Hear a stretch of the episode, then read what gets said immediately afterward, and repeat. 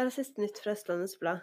En person ble sendt til sykehus på Kalnes og fem personer til legevakt etter en trafikkulykke med flere involverte biler på E6 mellom Son og Moss onsdag.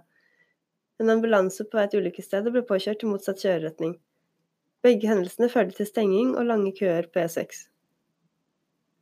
Tilde Aldrek er en spiller Lars Abelsen og Follo HK Damer har vært på jakt etter i mange år. Nå er hun endelig klar for rødtrøyene. Ski kommune gikk med et overskudd på 22,9 millioner kroner i 2018. Tjenestekuttene har vært jevnt fordelt, ifølge de som styrer politisk.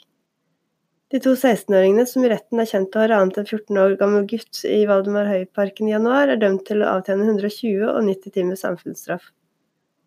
Tungvekterne har vært i podkaststudio igjen, og denne gangen er det hele filmet. Podkasten og videoopptaket fra seansen finner du på øv.no. Siste nytt fikk du av Birgitte Henriksen.